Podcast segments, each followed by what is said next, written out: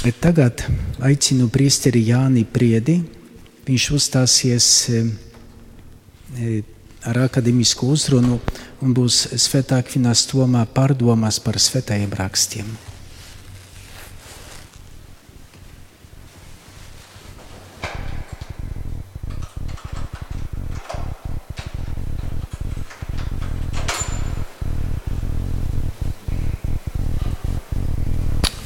Slavēts Jēzus Kristus.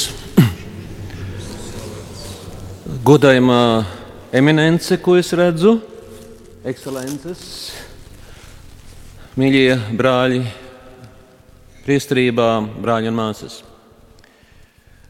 Ceru, ka mēģināšu iekļauties man atvēlētajā pusstundā, ja nē, tad lūdzu pārtrauciet. Nu, vismaz rādiet pulksteni, ka jābeidz. Šodienas tēma ir vecās derības lasīšana kopā ar Jēzu, kopā ar apakstuli Jāni un Akvīnas Tomu. Jēzus lasīja Bībeli, viņš lasīja veco derību, tā mēs viņu sauktu, jo evaņģēlīji vēl nebija uzrakstīti. Tie bija par atklāsmes centru. Gan vecā, gan jaunā derība lūkojās uz to, kas ir centrālais atklāsmē, vislielākā dieva atklāsme ir Jēzus. Un ko Jēzus saka? Un to viņš saka Jāņa Evangelijā. Jūs pētat rakstus, svētos rakstus. Jūs pētat rakstus, jo domājat, ka tajos ir mūžīgā dzīvība, un tie ir kas liecina par mani. Šos Jēzus vārdus Par veco derību pierakstīja apustulis Jānis. Un svētais Akvīnas Toms šos vārdus izgaismo savā komentārā par Jāņa evaņģēlīju.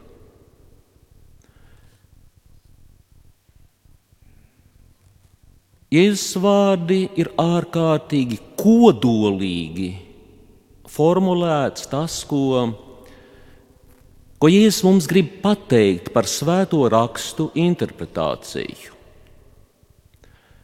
Visi droši vien, vismaz tie, kas ir mācījušies seminārā, zina un ir dzirdējuši par, mūsdienās runā par tipoloģisko interpretāciju, kurā vecās derības tēlos mēs uzskatām, tēlus mēs uzskatām par iepriekš zīmēm par pirmtēliem tam, ko Dievs īstenos, laikam piepildoties savā dēlā.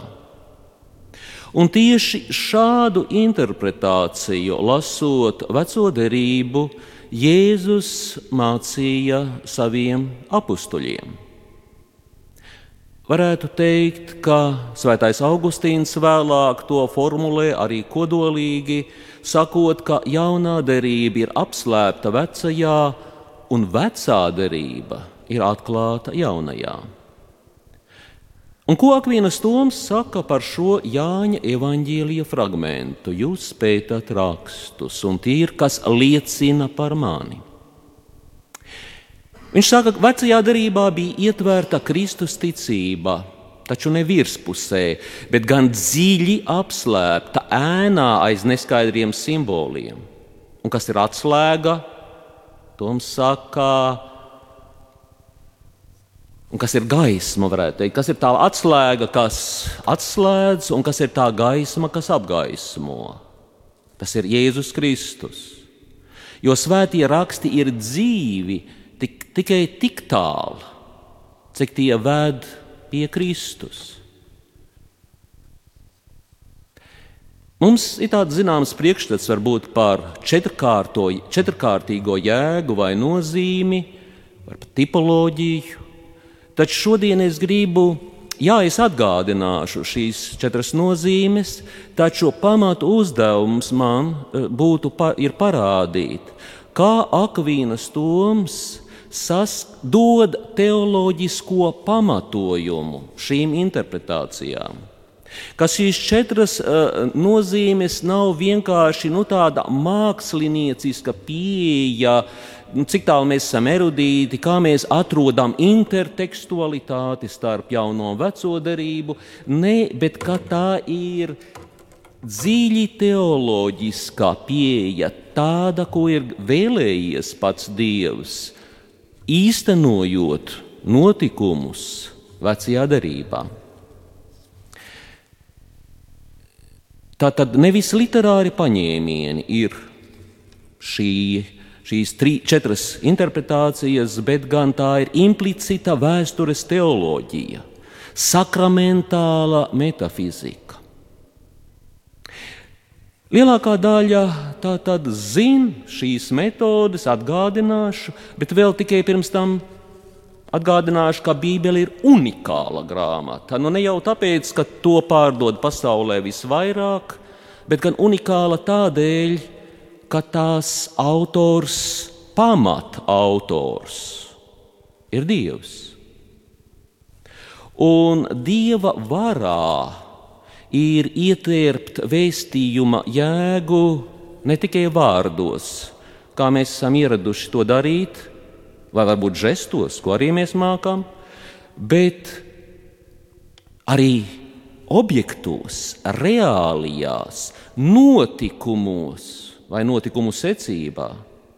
Tātad vecās derības notikumos, vecās derības autors, kas ir Dievs, var ietērpt, ielikt arī dziļāku, citu jēgu, nevis to, kas ir tikai virspusēji vārdos saprotama. Un kā katoļu baznīcas katehisms saka, 117. numurāts, viņš saka, pateicoties Dieva plāna vienotībai, par zīmi var būt ne tikai rakstu teksts, bet arī reālie priekšmeti un notikumi, par kuriem tie runā, vecās derības notikumi. Mēs jau zinām daudzas no šīm zīmēm, kas kalpo kā norādes uz debesšķīgiem, dievišķiem, mūžīgiem noslēpumiem. Jāņa evanģīlijā Jēzus, Jēzus pats runā par izrēliešiem doto mannu, kā par evaharistijas priekšvēstnesi. Viņš runā par 6. nodaļā. Viņš runā par sarkanās jūras šķērsošanu kā pa kristības priekšvēstnesi. Jāņa Vangelī 3. nodaļā. Tie bija reāli, vēsturiski notikumi, bet vienlaikus arī zīmes kaut kam lielākam, kaut kam transcendentālam un pārdabiskam, jo Bībele ir unikāla grāmata, kur šie notikumi parāda uz kaut ko vairāk. Kā Svētais Akvīnas Tūms citē Gregoru Lielo, kas teica, ka svētie raksti savā izteiksmes veidā pārspēja ikvienu zinību nodari, no, nozari, jo vienā un tā pašā teikumā tie apraksta gan faktu, gan noslēpumu. Un tādēļ šīs vairākās nozīmes rakstos Un Bībeles interpretācijas uzdevums ir palīdzēt lasītājam saskatīt šīs vairākās nozīmes. Saskaņā ar Akvīnas tomu svētajos rakstos ietvērtā pamatnozīme ir tiešā, literārā, proti, nu, litera nozīmē burts, kurā vārdi apzīmē konkrētas lietas. Un otra nozīme ir garīgā, jeb mistiskā nozīme, kā Toms saka, Citēju, kad lietām, kas izteiktas vārdos, pašām ir sava nozīme. Toms uzsver, ka šī literārā, jeb burtiskā, jeb tiešā jēga ir pamats, un ka garīgā jēga balstās uz burtisko. Garīgā jēga nevar būt pretrunā, nevar aizstāt burtisko, bet turklāt jāatceras vienmēr, ka garīgajā jēgā, ja mēs kaut kur saskatām kaut kādu garīgo nozīmi, tad garīgajā jēgā Bībelē nekad nebūs ietverts kaut kas tāds, kas citur Bībelē nebūtu izteikts ļoti skaidros vārdos, tiešā veidā. Un tas ir ļoti svarīgs punkts, lai nu, nesāktos vistīrākās fantāzijas. Kaut kur ir jābūt tiešām teikumam, tiešai frāzei, tiešai norādei. Es teiktu, kaut vai ieskatāmies vēstulē ebrejiem, vai Pāvila tekstos, vai citur, Jēzus sacītajā, vienmēr būs arī tiešas norādes. Un sekojot tradīcijai, Toms, Akvīnas Toms, garīgo jēgu iedala trijos paveidos. Pirmkārt, alegoriskajā nozīmē, kurā vecās derības realitātes nozīmē jaunās derības realitātes. Otrais, nu, ir piemēram, es tikko nosaucu šī sarkanās jūras ķersošana, kristības sakraments, jā, manna norāda uz evaharistiju. Otrkārt, morālā nozīme, kurā notikumi ir paraugi tam, kā mums pienākas rīkoties. Nu, arī tur, kur vecajā darbā ir atgadījumi, kā nepienākās, arī tā, tiem ir morāla nozīme, tie rāda, kā vajadzētu. Un trešais ir anagoģiskā, nevis analoģiskā, bet anagogēna vest uz augšu. Proti, kā Toms saka, kurā aprakstītās lietas, citēju, nozīmē to, kas attiecas uz mūžīgo godību. Un piemērs tagad. Toms, Toms eksegēzē piemērs. Kāda ir integrālā jēga radīšanas grāmatas pirmās nodaļas vārdiem, lai top gaisma? Nu, kad es saku, lai top gaisma, teiksim, baznīcā ieslēdz elektrību, vai ne? Tātad, proti, fiziski, tom saka, fiziski uztveramā gaisma. Tā ir burtiskā jēga. Taču kāda ir alegoriskā? Lai top gaisma. Atcerēsimies, Kristus pats saka, es esmu pasaules gaisma. Bet vai kaut kā, ir kaut kāds mirklis, ka nu pēkšņi nebija Kristus mūžīgais, un tagad, nu, tagad viņš top kaut kādā veidā? Mūžīgais vārds ir tikpat mūžīgs kā tēvs, pirmsmūžīgs. Tā tad, kā Toms saka, šie vārdi nozīmē, lai Kristus top baznīcā kā Dievs, kā vārds, Jēzus ir svētajā trīsvienībā vienmēr, Kristus ir trīsvienībā vienmēr Dieva vārds. Bet baznīcā gaisma ienāk pasaulē, un par to raksta Jānis savā evanģēlī pirmajā nodaļā, kā gaisma ienāk pasaulē. Un kur viņš ienāk pasaulē? Viņš ienāk savā tautā, viņš ienāk tajā, kas ir un ved un kļūst par baznīcu. Un pēc Jēzus nokāpšanas, Jēzus diezgan ciešot, viņš arī nokā, ciešo, pēc Jēzus ciešanām, viņš pēc viņa nāves krustā šī gaisma atspīd arī mirušajiem. Proti, lai Kristus dzimsta baznīcā, tā ir šī alegoriskā nozīme. Bet, ja kāds saka, ar šiem vārdiem saprotam, nu, lai mūsu prāts kļūtu mazliet gaišāks. Ja? Tā cilvēcīgi sakot, bet nē, Toms saka, lai mūsu prāts ir Kristus apgaismots, un mūsu sirdis ir, lai Kristus iededzinātas. Tā ir morālā jēga vārdiem, lai to apgaisma. Un kāda tad ir anagoģiskā, tā uz augšu vedošā jēga? Lai mēs topām par gaismu, proti, lai Kristus mūs ieved mūžībā, mūžīgajā gaismā pie sevis, lai mēs topām par gaismu. Tā ir šī uz augšu vedošā jēga. Tā skaidro Akvīnas Toms. Un redzam, ka Akvīnas tomām visas nozīmes ir apvienotas Kristū. Arī tiešā, arī tiešā, protams, jo viss, kas ir radīts, jau taču ir radīts caur Kristu.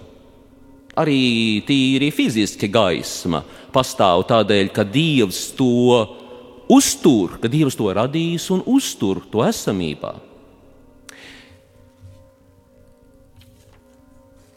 Tātad, un viss šīs nozīmes ir apvienotas Kristū. Un eksaģēzē mēs šīs četras nozīmes izšķirām nevis tādēļ, lai pateiktu, ārē, kur ir viena nozīme, re, kur ir otra. Nē, bet nevis lai tās nošķirtu, bet lai tās visas apvienotu vienā nozīmē. Burtiskā un garīgā jēga nav atdalāmas, abas ir savstarpēji atkarīgas. Un varbūt uzreiz, ja nav laika neiedziļināšanos, došu piemēru no vēstules korintiešiem, kur apustulis Pāvils atsaucas uz vēsturiskiem notikumiem, proti, sapludina tos kopā ar garīgo jēgu parāda, ka tās nozīmes ir lasāmas kopā. Viņš vienā teikumā saka, brāļi, es negribu jūs atstāt neziņā, ka mūsu tēvi visi bija zem padebesu un visi gāja cauri jūru, un padebesī un jūrā visi ir kristīti mozu.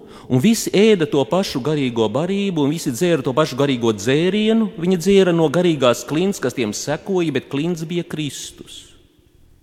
Mēs redzam Pāvila vārdos abas jēgas kopā, gan tīri vēsturiskos notikumus, gan arī šo garīgo jēgu, un te ir tā vienotība un integritāte Kristus. Klints. Bet tomēr ar četrkāršīgo nozīmi zināt, ka tāda ir patristikā. Ja nu kurš to nezina, varētu teikt, kas ir mazliet studējis, bet tas nepietiek. Tā ir inter, būtiska interpretīvās tradīcijas daļa, labs, kaut kas ļoti skaists un arī garīgi nepieciešams tautai, taču nepietiek nodalīt burtisko jēgu un garīgo. Nepietiek ar šīm tipoloģijas sistēmām. Bet ir svarīga tā loģika, kas ir zem šīs sistematizācijas. Nu, tāda neliela piezīme, ja ar ko atšķirās uh, sistemātiskā teoloģija, kas ir ļoti svarīga, kur mēs teiksim, ejam cauri credo un skatāmies, kas ir Dievs, kas ir svētais gars, ko nozīmē grēku piedošana. Proti, analizējam teoloģiskus jēdzienus.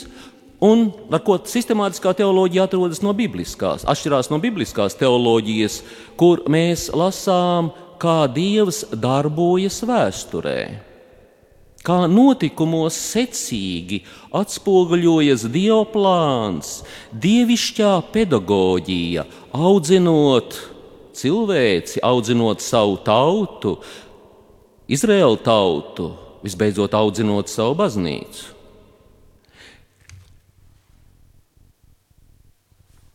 Un šeit parādās tāds jēdziens, par ko mūsdienās runā mazāk, bet kas ir būtiski nepieciešams, lai izprastu šo dievišķo pedagoģiju, proti, dievišķā ekonomija. Nu, gaismas ekonomēšana ir viena lieta, ar ekonomiju nodarbojas visi politiķi, bet dievišķā ekonomija ir kas cits. No vārdiem oikos nams un nomos likums, ja, tāda kārtība, likums, nu, kā uzturēt nāmu. Nu, piemēram, kārtība, kā Dievs uztur savu baznīcu, bet kā Dievs uh, uztur savu nāmu, Viņš ir radījis visu pasauli, kas ir viss kosmos, ir viņa nams. Tāda dievišķā namturība, dievišķā kārtība, nu kā tad Dievs darbojas pasaulē. Un, ja mēs lasām katoliskās baznīcas katehismu, tad tur arī ir teikts, ka katoļu baznīcas katehisms par ekonomiju sauc visus dieva darbus, caur kuriem viņš sevi atklāja un dod savu dzīvību. Starp citu, piezīme, ja nu, ekonomija mazliet atšķirās no teoloģijas, tā ziņā, ka ekonomija ir atklāja dieva darbus galvenokārt. Uz to ir orientēta teoloģija, pamatā ir orientēta uz trīsvienības izpratni. Bet, nu, lai mēs izprastu cilvēku, eh, viņa būtību, mēs viņu jau pazīstam no viņa darbiem. Un tāpat arī Dievu mēs pazīstam no viņa darbiem. Savukārt no Dieva iekšējās būtības izriet viņa darbi. Tāpat no cilvēka iekšējās būtības iznāk viņa domas un viņa darbi.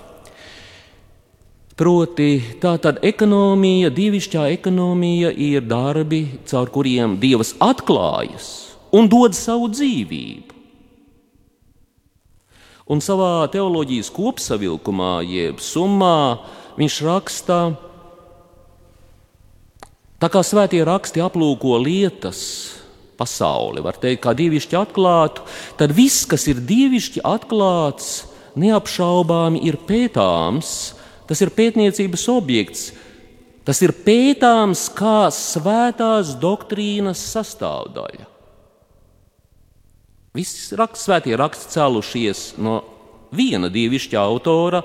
Tātad Toms izprot Bībeli kā vienu grāmatu, nu, kur daudz cilvēku, protams, ir tūkstošu gadu vairāk periodā strādājuši, lai viņa taptu. Dažādos laikmetos, dažādā kultūra vidē, bet tā ir vienota grāmata ar vienotu sižetu, vienotu autoru. Nu, maz atkāpi no Toma, ja man būtu jāskaidro, es teiktu tā, ja kāds cilvēks piesēžās klāt un grib uzrakstīt kādu nopietnu grāmatu, tad nav tā jau, ka viņš uzraksta pirmo teikumu un tad sāk lauzīt galvu, nu, bet ko tad es rakstīšu tālāk? Viņam tomēr ir aptuveni skaidrs, ko viņš tajā grāmatā grib pateikt. Un tāpat, ja Dievs ir svēto rakstu autors, nu tad viņam ir skaidrs jau, var teikt, no pirmajām rindiņām, kāds būs arī šīs grāmatas un kāds būs nu, visas šīs pestīšanas vēstures tālākais plāns. Kā ik viens labs komentētājs Toms rūpējas, lai visi svēto rakstu fragmenti tiktu lasīti atbilstoši kontekstam, bet viņš uzskatīja par absolūti nepieciešamu to, ka jebkura raksts, jebkura fragmentiņa kontekstā, paņemsim jebkuru fragmentu no Bībeles, tajā fragmentā ietilpst visu svēto rakstu saturs un vienotība. Tas ir tā sīkā fragmentiņa arī konteksts. Viņš pamato, viņš pieminēja tā kā centrs, raksts, svētie raksti ir viens veselums. Un dievišķo, kurā atklājas dievišķā plāna vienotība. Un centrs ir Jēzus sirds. Proti, kopš viņa paskas ciešanām, lieldienu ciešanām, viņa sirds ir atvērta. Pirms ciešanām šī sirds bija aizvērta, proti, raksti bija, vecās darbības raksti bija nesaprotami. Bet pēc viņa ciešanām raksti ir atvērti, jo tie, kas tos tagad saprot, saprot, kā viņus interpretēt. Atcerēsimies, ka Jēzus pats skaidroja mācekļiem, Emausa gājienā uz Emausu, kā saprast rakstus, kas runā par viņu. Atcerēsimies, ka arī ienākot caur aizslēgtām durvīm pie apstuļiem, tas pirmais ir, kā viņš skaidro rakstus, ko par viņu saka psalmi, ko par citas grāmatas par viņu, pravieši. Un tāpēc tādēļ, tāpat arī mēs, tāpat kā Toms, varam atrast literārās sakarības, piemēram, starp radīšanas grāmatu un evaņģīliju, kuras abas divas, zinām, sākās ar iesākumā, protams, un providenciālas sakarības starp daudzām vecās darības personām un Kristu, starp vecās darības realitātēm un baznīcu. Un šīs sakarības ir tikpat reālas kā jebkas, kā lietus aiz logas, saka Akvīnas Toms, tikpat reālas ir sakarības, kā dieva sacītais pirmais, lai top. Proti, šie notikumi ir reālas lietas, reālas notikumi, kas atspoguļoti vecajā darbā, bet viņu dziļākā nozīme ir nevis ārējā, bet gan pārdabiski noslēpumaina. Mūsdienu pētnieki aizraujās ar iedziļināšanos no kādā fragmentā, mēģinot viņu, protams, nu, tas ir pareizi, jā, izķidāt, izmeklēt savā laikmeta kontekstā, iedziļināties tā vārda filoloģiskajā, varbūt izpratnē un tā tālāk, bet aizmirst, ka tajā vārdā vai tajā notikumā ir iekšā viss svēto rakstu konteksts. Un tā saikne, tātad šī dievišķā enkomija, kā to redz Akvīnas Toms, kā to redzējis Jānis un Jēzus. Akvīnas Toms redzēja, ka dievišķā ekonomika ir iedalīta divās darībās, jeb divos likumos, vecajā un jaunajā. Savukārt veco darību viņš sadalīja divos posmos - dabiskajā posmā un likuma posmā. Un abi šie posmi, gan dabiskais, gan likuma, nu, mūzes likuma, posms norāda uz Kristus, norāda uz Kristus žēlastību jaunajā darbā. Līdz ar to Toms runā par trijām vēstures dienām. Par dienām, ko simbolizēja Kristus pirmais brīnums Kānā. Un kā apustulis Jānis saka, tas brīnums notika, nu tagad, kurā dienā notika brīnums, apustulis Jānis saka, trešajā dienā. Jo, teiksim, Akvinas Toms vēlāk skaidro, jo pirmā diena ir dabiskā likuma laiks, otrā diena ir rakstītā, mūzes likuma laiks, bet trešā diena ir žēlastības laiks kad kungs, kas iemiesojies, svinēja kāzas, laulību. Taču līdz ar to Toms piebilst,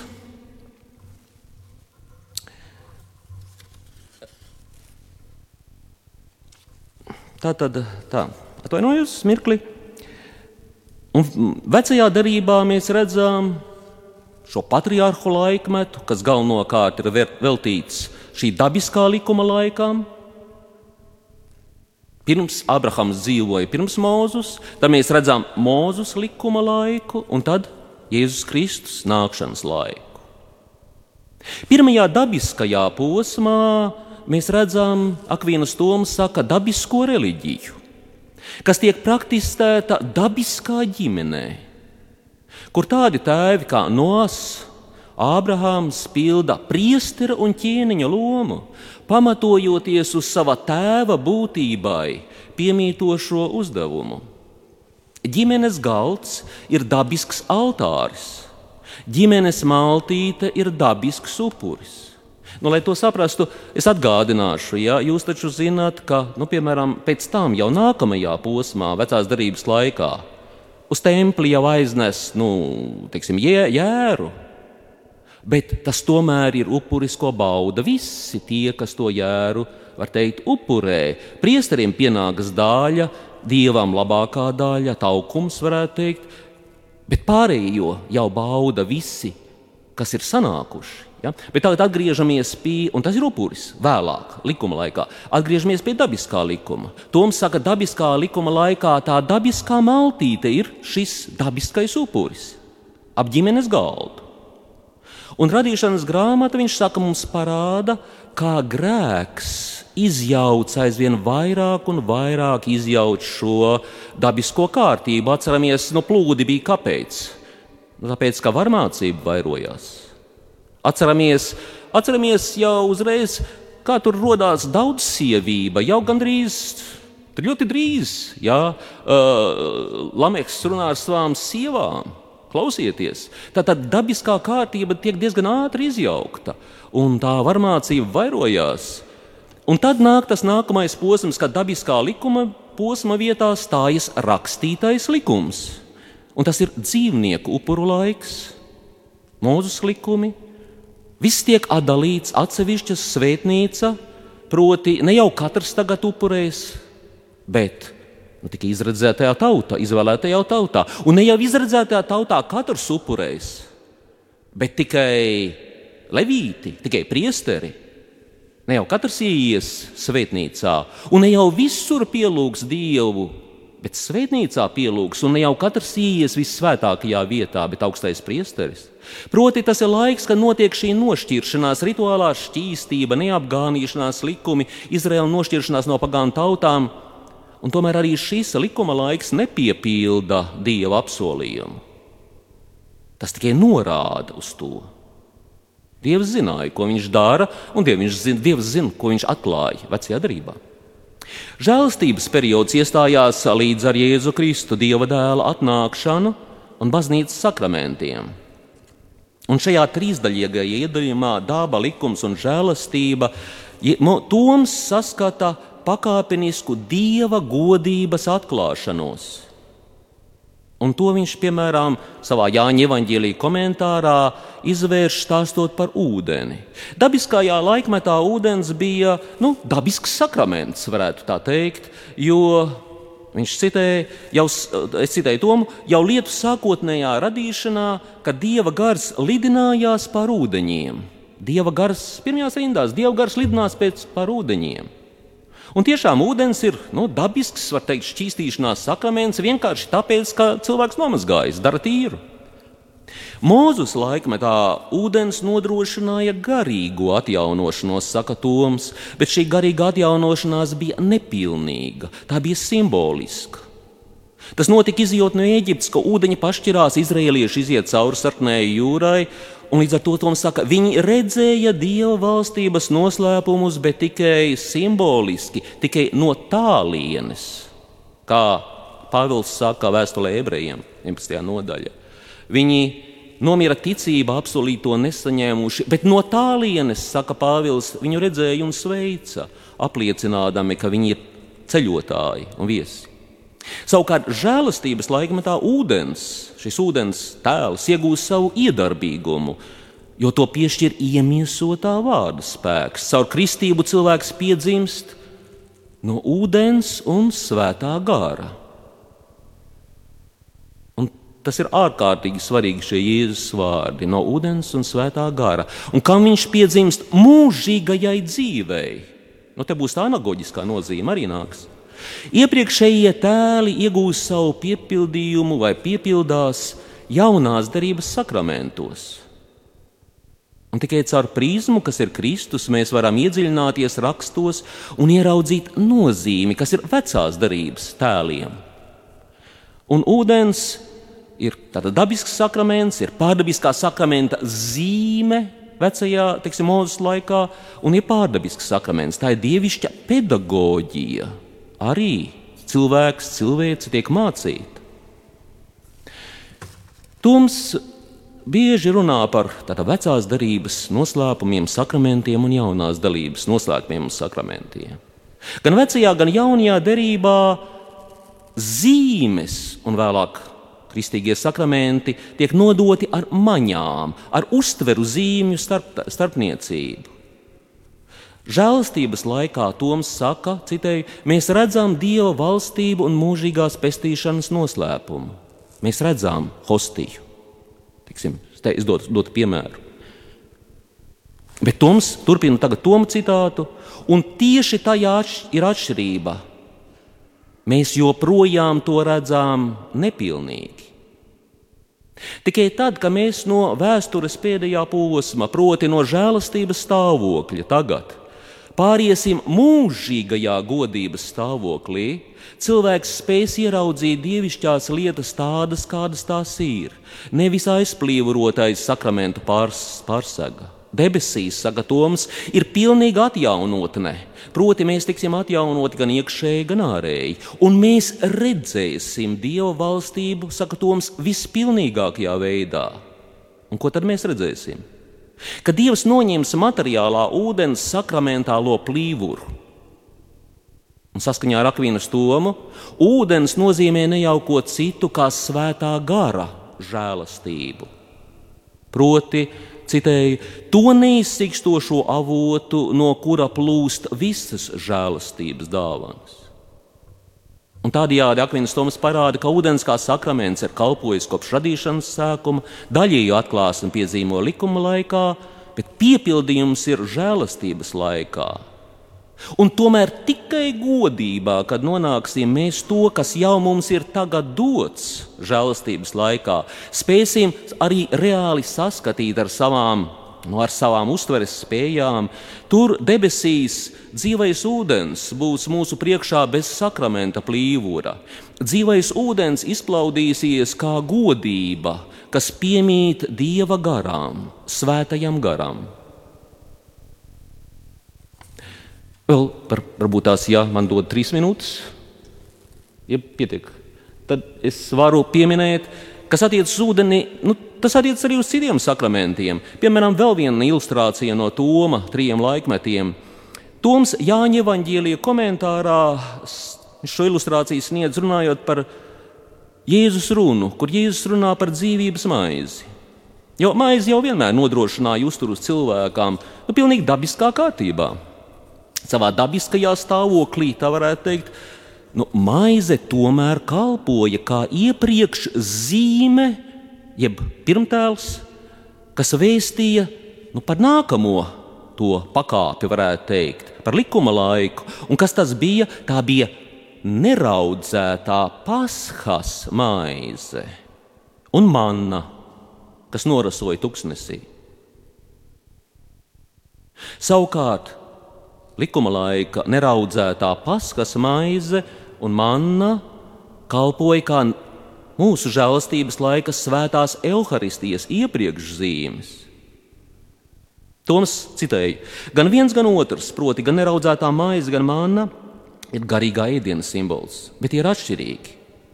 Jo manna bija tikai simbols, savukārt neraudzētā maize, ko izmanto kristīgajā svētajā misē, ir tas, ko tā simbolizē. Maize ir Kristus miesa. Tā nevien simbolizē Kristus, bet tā ir pats Kristus.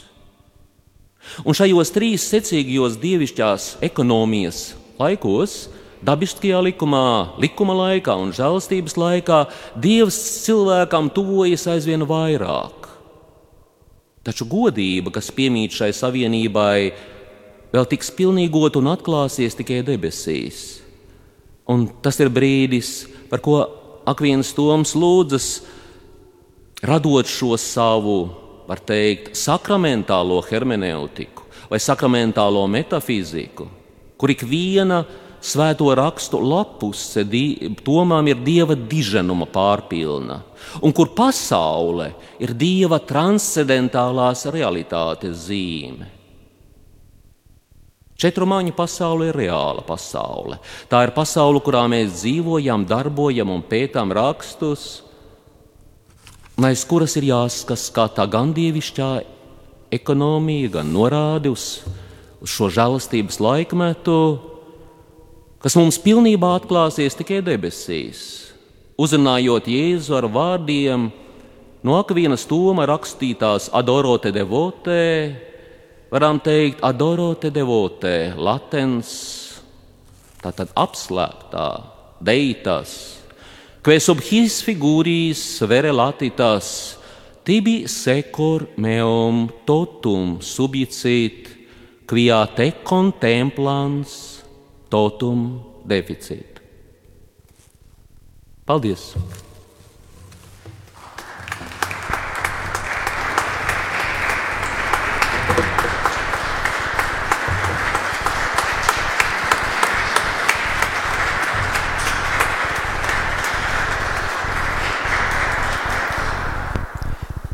Paldies Priesterim Jānim.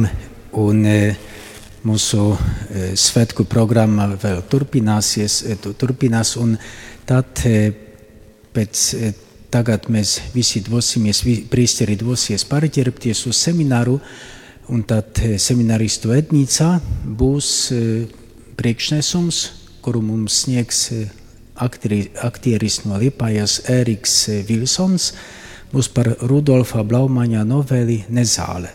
Tā kā arhibīskaps sākumā runāja par tām dimensijām, formācijas dimensijām, jau bija garīga, intelektuālā, tagad būs tā kultu, kultūrālā, un vēl būs arī tā vēl viena ļoti svarīga dimensija, tā kopā būšana pie galda, pēc tam būs e, pusdienas otrajā stāvā, vecajā kapelā, un es atceros, kad franciskāņu misionāri no Afrikas, kad viņi veidoja to misiju e, punktu, tad viņi teica, sākumā viņi uzbūvēja virtuvi. Viņi teica, sākumā vajadzēja cilvēkus paēdināt, tāpēc ka tukšs vēders nav spējīgs pieņemt dieva vārdu.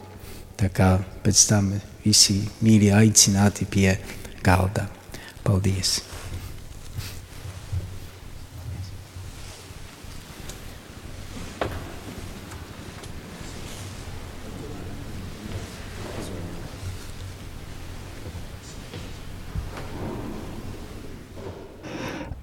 Radio Marija Latvija klausītāji, tikko mēs beidzām translāciju no Rīgas svētā Franciska baznīcas, kurā tika atzīmēti svētā Akvīnas Toma Rīgas garīgā semināra aizbildņas svētki. Radio Marija Patvērums dievā 24 stundas diennaktī. Pats es klausos visbiežāk radio Marijā tieši automašīnā, kad braucu pie stūres. Visvairāk prieku sagādā tieši tie izzinošie raidījumi, kuros arī priekš sevis var vienmēr kaut ko jaunu atklāt, kaut ko vecu atsvaidzināt, lai tas palīdzētu arī kalpošanā. Tādēļ tiešām paldies Radio Mariju! Es esmu Viktors Stulpins, Liepājas bīskaps, un tu klausies Radio Mariju.